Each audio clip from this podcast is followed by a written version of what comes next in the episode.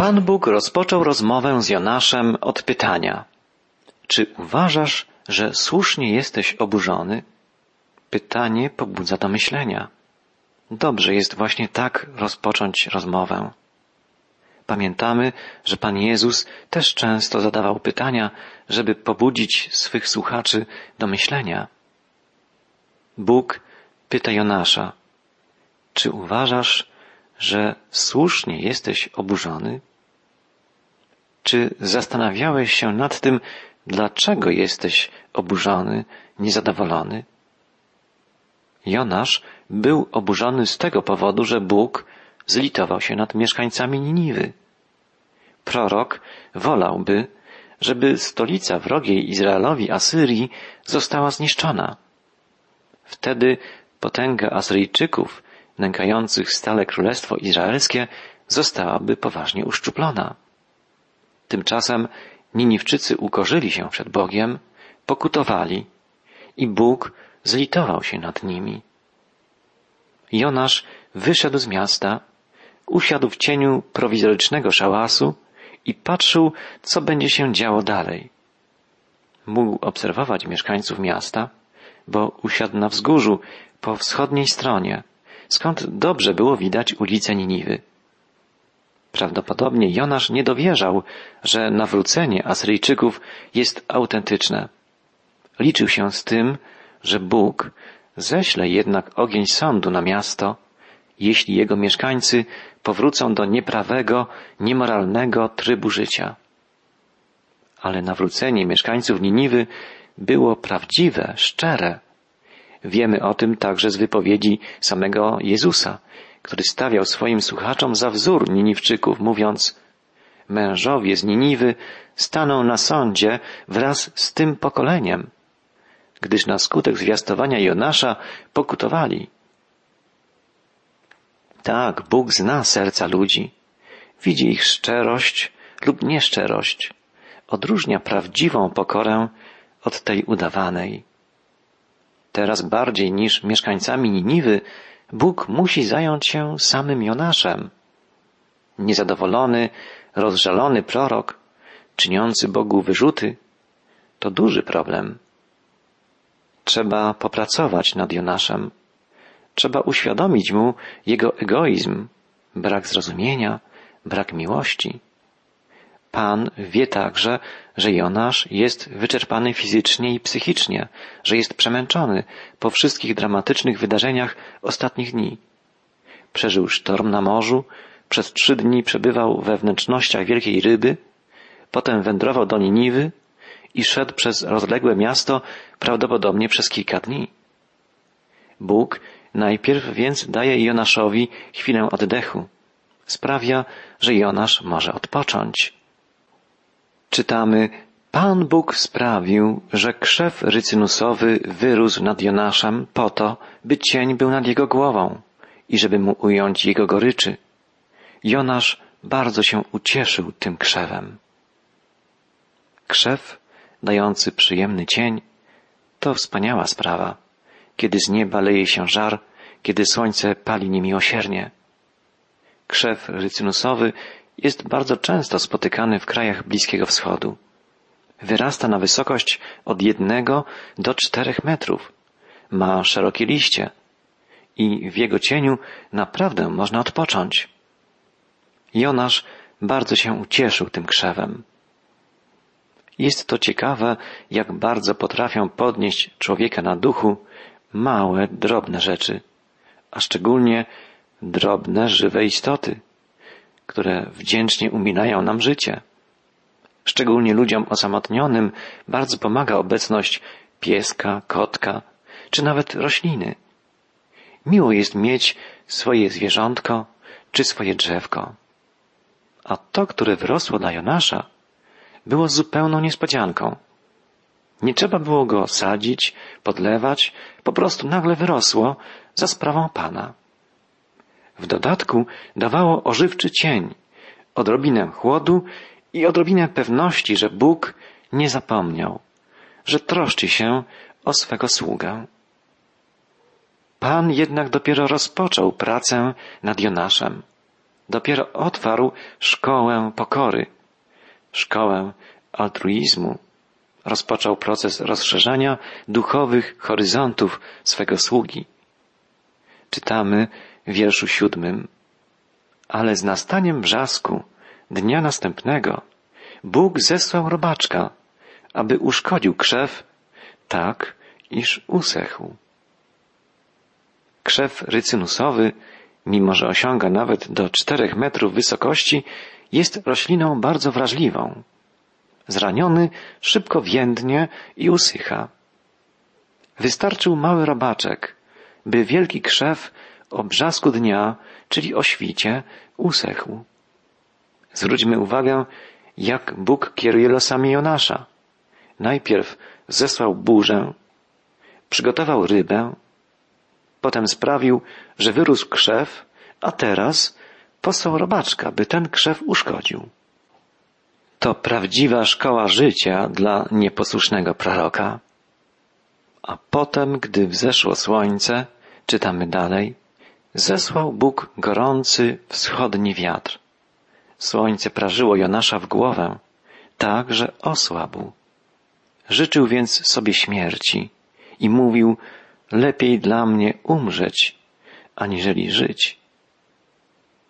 O świcie krzew dający cień usechł, słońce wzeszło wysoko, zerwał się wschodni, gorący wiatr i czytamy znów, nie był to przypadek, wiatr zesłał Bóg. Słońce tak prażyło Jonasza w głowę, że osłabł i życzył sobie już po raz drugi śmierci. Jonasz żali się przed Bogiem i mówi, lepiej dla mnie umrzeć, aniżeli żyć. Na to rzekł Bóg do Jonasza, czy słusznie się oburzasz z powodu tego krzewu? Odpowiedział Jonasz, słusznie gniewam się śmiertelnie. Jonasz mówi, jedyna rzecz, która mnie cieszyła, została mi zabrana. Ofiarowałeś mi, Panie, ten krzak dający cień. Był on dla mnie pocieszeniem, schronieniem, stał mi się przyjacielem, wiernym towarzyszem, a teraz, kiedy został zniszczony, nie mam już po co żyć. Posłuchajmy, co dalej powiedział Bóg Jonaszowi. Rzekł Pan, Tobie żal krzewu, którego nie uprawiałeś i nie wyhodowałeś, który w nocy wyrósł i w nocy zginął.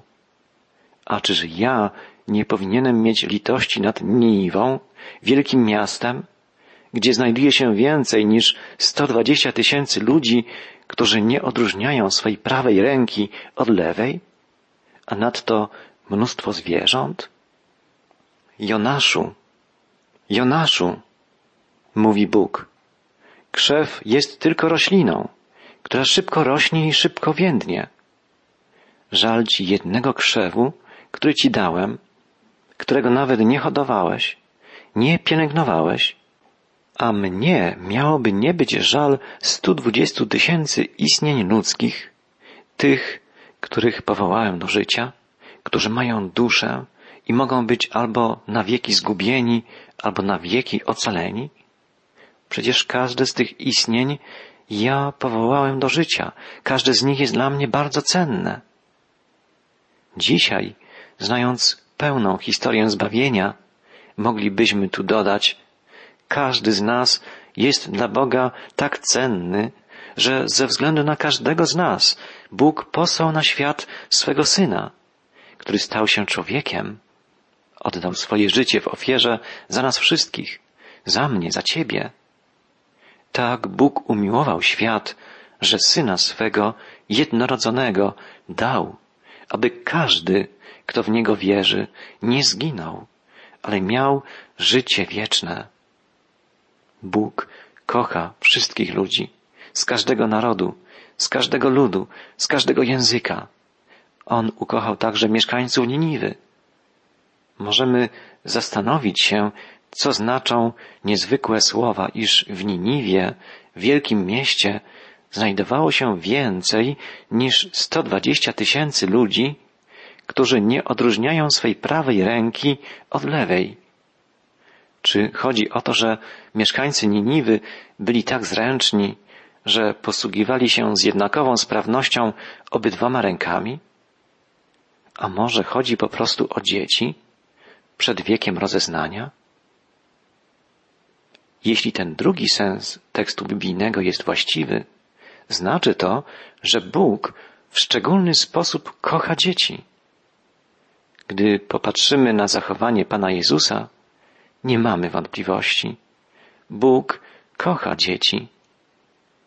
Biada temu, kto zgorszy, skrzywdzi choćby jednego z tych najmniejszych, ostrzegał Jezus. Pomyślmy o milionach współczesnych dzieci, które są zaniedbywane, wykorzystywane, molestowane, bite, torturowane, wyśmiewane.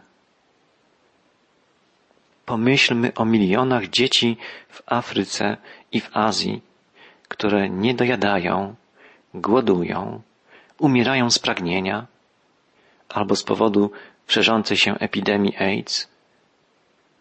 Jeden z misjonarzy pracujących w Afryce dla Scripture Gift Mission powiedział niedawno, dzieci są tu bardzo otwarte na Ewangelię, ale grozi im wiele niebezpieczeństw. Epidemia HIV, wojny etniczne, głód, skrajne ubóstwo. Próbujmy temu zapobiec. Jakże wiele dzieci cierpi dzisiaj także w naszym kraju z powodu rozwodu swoich rodziców. Jakże wiele dzieci pozostawionych jest samym sobie, gdy w domu pije się alkohol, gdy trwają ciągłe kłótnie, awantury. Pomyślmy o naszych dzieciach. Czy poświęcamy im wystarczająco wiele czasu, uwagi? Czy rozmawiamy z nimi o wszystkim, co je interesuje? Czy opowiadamy im o Bogu, który je kocha?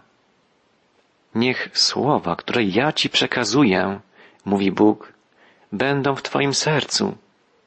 Będziesz je wpajał w Twoich synów i będziesz o nich mówił, przebywając w swoim domu, idąc drogą, kładąc się i wstając. Takie polecenie przekazał Bóg Mojżeszowi i nam wszystkim. Czy w taki sposób kształtujemy osobowość, duchowość naszych dzieci? Czy oprócz troski o potrzeby materialne staramy się też wypełnić zadanie, do którego Bóg jako rodziców powołuje nas przede wszystkim? Czy prowadzimy nasze dzieci do Chrystusa? Czy przekazujemy im wspaniałe, zbawienne prawdy Bożego Słowa? Bóg kocha dzieci i czyni nas odpowiedzialnymi za ich wychowanie. Nie ma ważniejszej misji dla nikogo z nas niż właśnie ta. Bóg ukochał dzieci miasta Niniwy.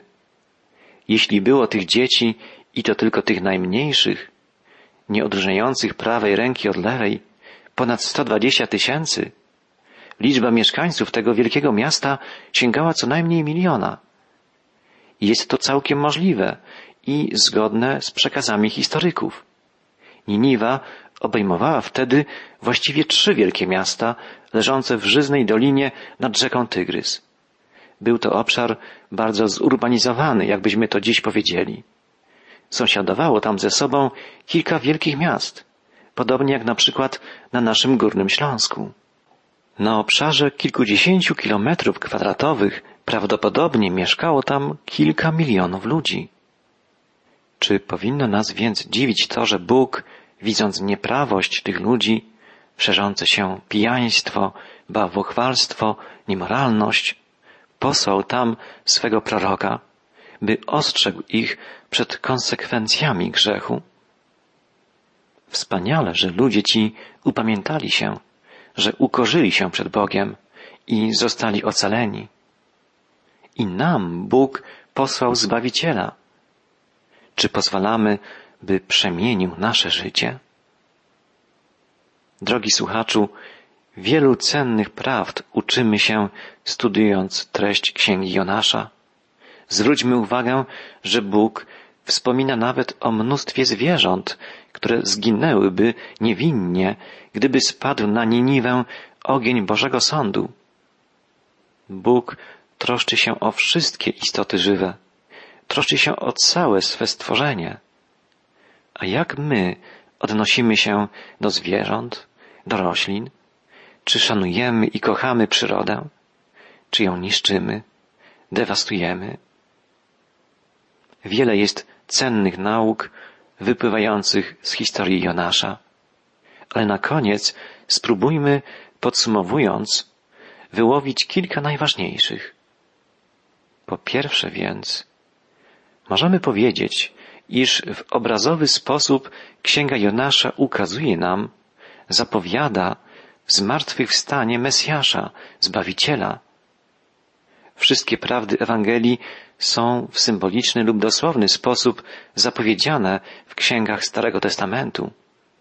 Na przykład Księga Wyjścia, Eksodus, zapowiada wyzwolenie ludu Nowego Przymierza z niewoli grzechu. Podobnie w Księdze Jonasza zawarty jest obraz zmartwychwstania Jezusa Chrystusa. Księga Jonasza uczy nas, po drugie, że zbawienia nie uzyskuje się dzięki dobrym uczynkom, ale dzięki wierze. Dzięki wierze, która prowadzi do upamiętania. Opowieść o Jonaszu czytana jest przez ortodoksyjnych Żydów w czasie święta Jom Kippur, czyli Dnia Pojednania. Droga do pojednania z Bogiem prowadzi nie przez wysiłki własne, ale poprzez przyjęcie Bożego dzieła zbawienia dzieła dokonanego przez odkupieńczą ofiarę Pana i Zbawiciela. Jedno z najważniejszych stwierdzeń księgi znajdujemy w dziesiątym wierszu drugiego rozdziału, gdzie czytamy Złożę Tobie ofiarę z głośnym dziękczynieniem. Spełnię to, co ślubowałem. Zbawienie jest u Pana.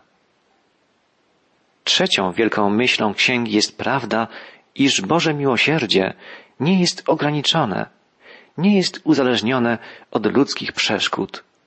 Jonasz odmówił pójścia do Niniwy, ale Bóg sprawił, że prorok i tak dotarł do tego miasta i jednak ogłosił jego mieszkańcom Boże ostrzeżenie.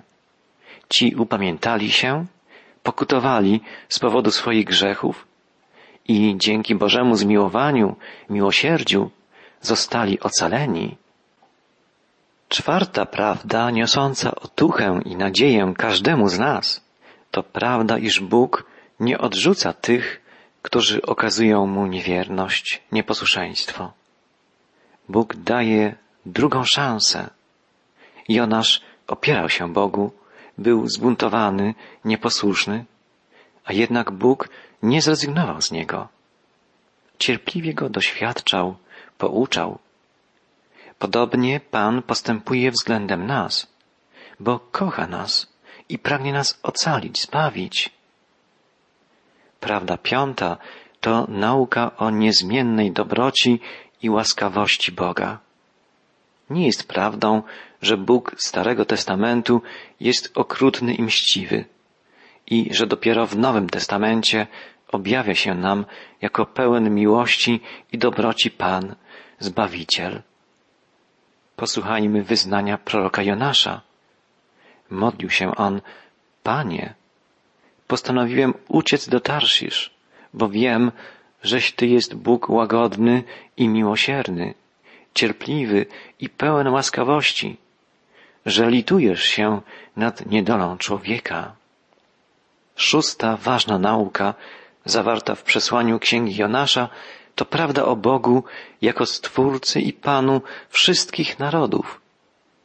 Powołując Abrahama, Bóg powiedział niejako z powodu powszechnego grzechu i zepsucia ludzkiej rodziny wybieram jednego człowieka, ojca jednego narodu, z którego wywiodę Zbawiciela dla wszystkich ludów, dla wszystkich plemion i języków. Apostoł Paweł napisał w liście do Rzymian, czy Bóg jest Bogiem tylko Izraelitów? Czy nie pogan także? Tak jest, wszystkich narodów. Boże zbawcze plany obejmują całą ludzkość. Skoro Bóg posłał swego proroka do mieszkańców Niniwy, Asyryjczyków, wrogich Izraelitom, pogrążonych w niemoralności i bałwochwalstwie, znaczy to, że zawsze i wszędzie pragnie ratować wszystkich grzeszników. Drogi słuchaczu, wysłuchaliśmy opowieści o nieposłusznym proroku, który uciekał na koniec świata, żeby uwolnić się od powierzonej mu przez Boga ważnej misji. Potem, gdy w wyniku nadzwyczajnych wydarzeń wypełnił wreszcie swe zadanie, czuł żal do Boga i czynił mu wyrzuty, że nie zesłał zapowiedzianej kary, a zlitował się nad pokutującymi grzesznikami. Pan musiał ukazać Jonaszowi cały ogrom jego egoizmu, jego samolubstwa, jego małoduszności.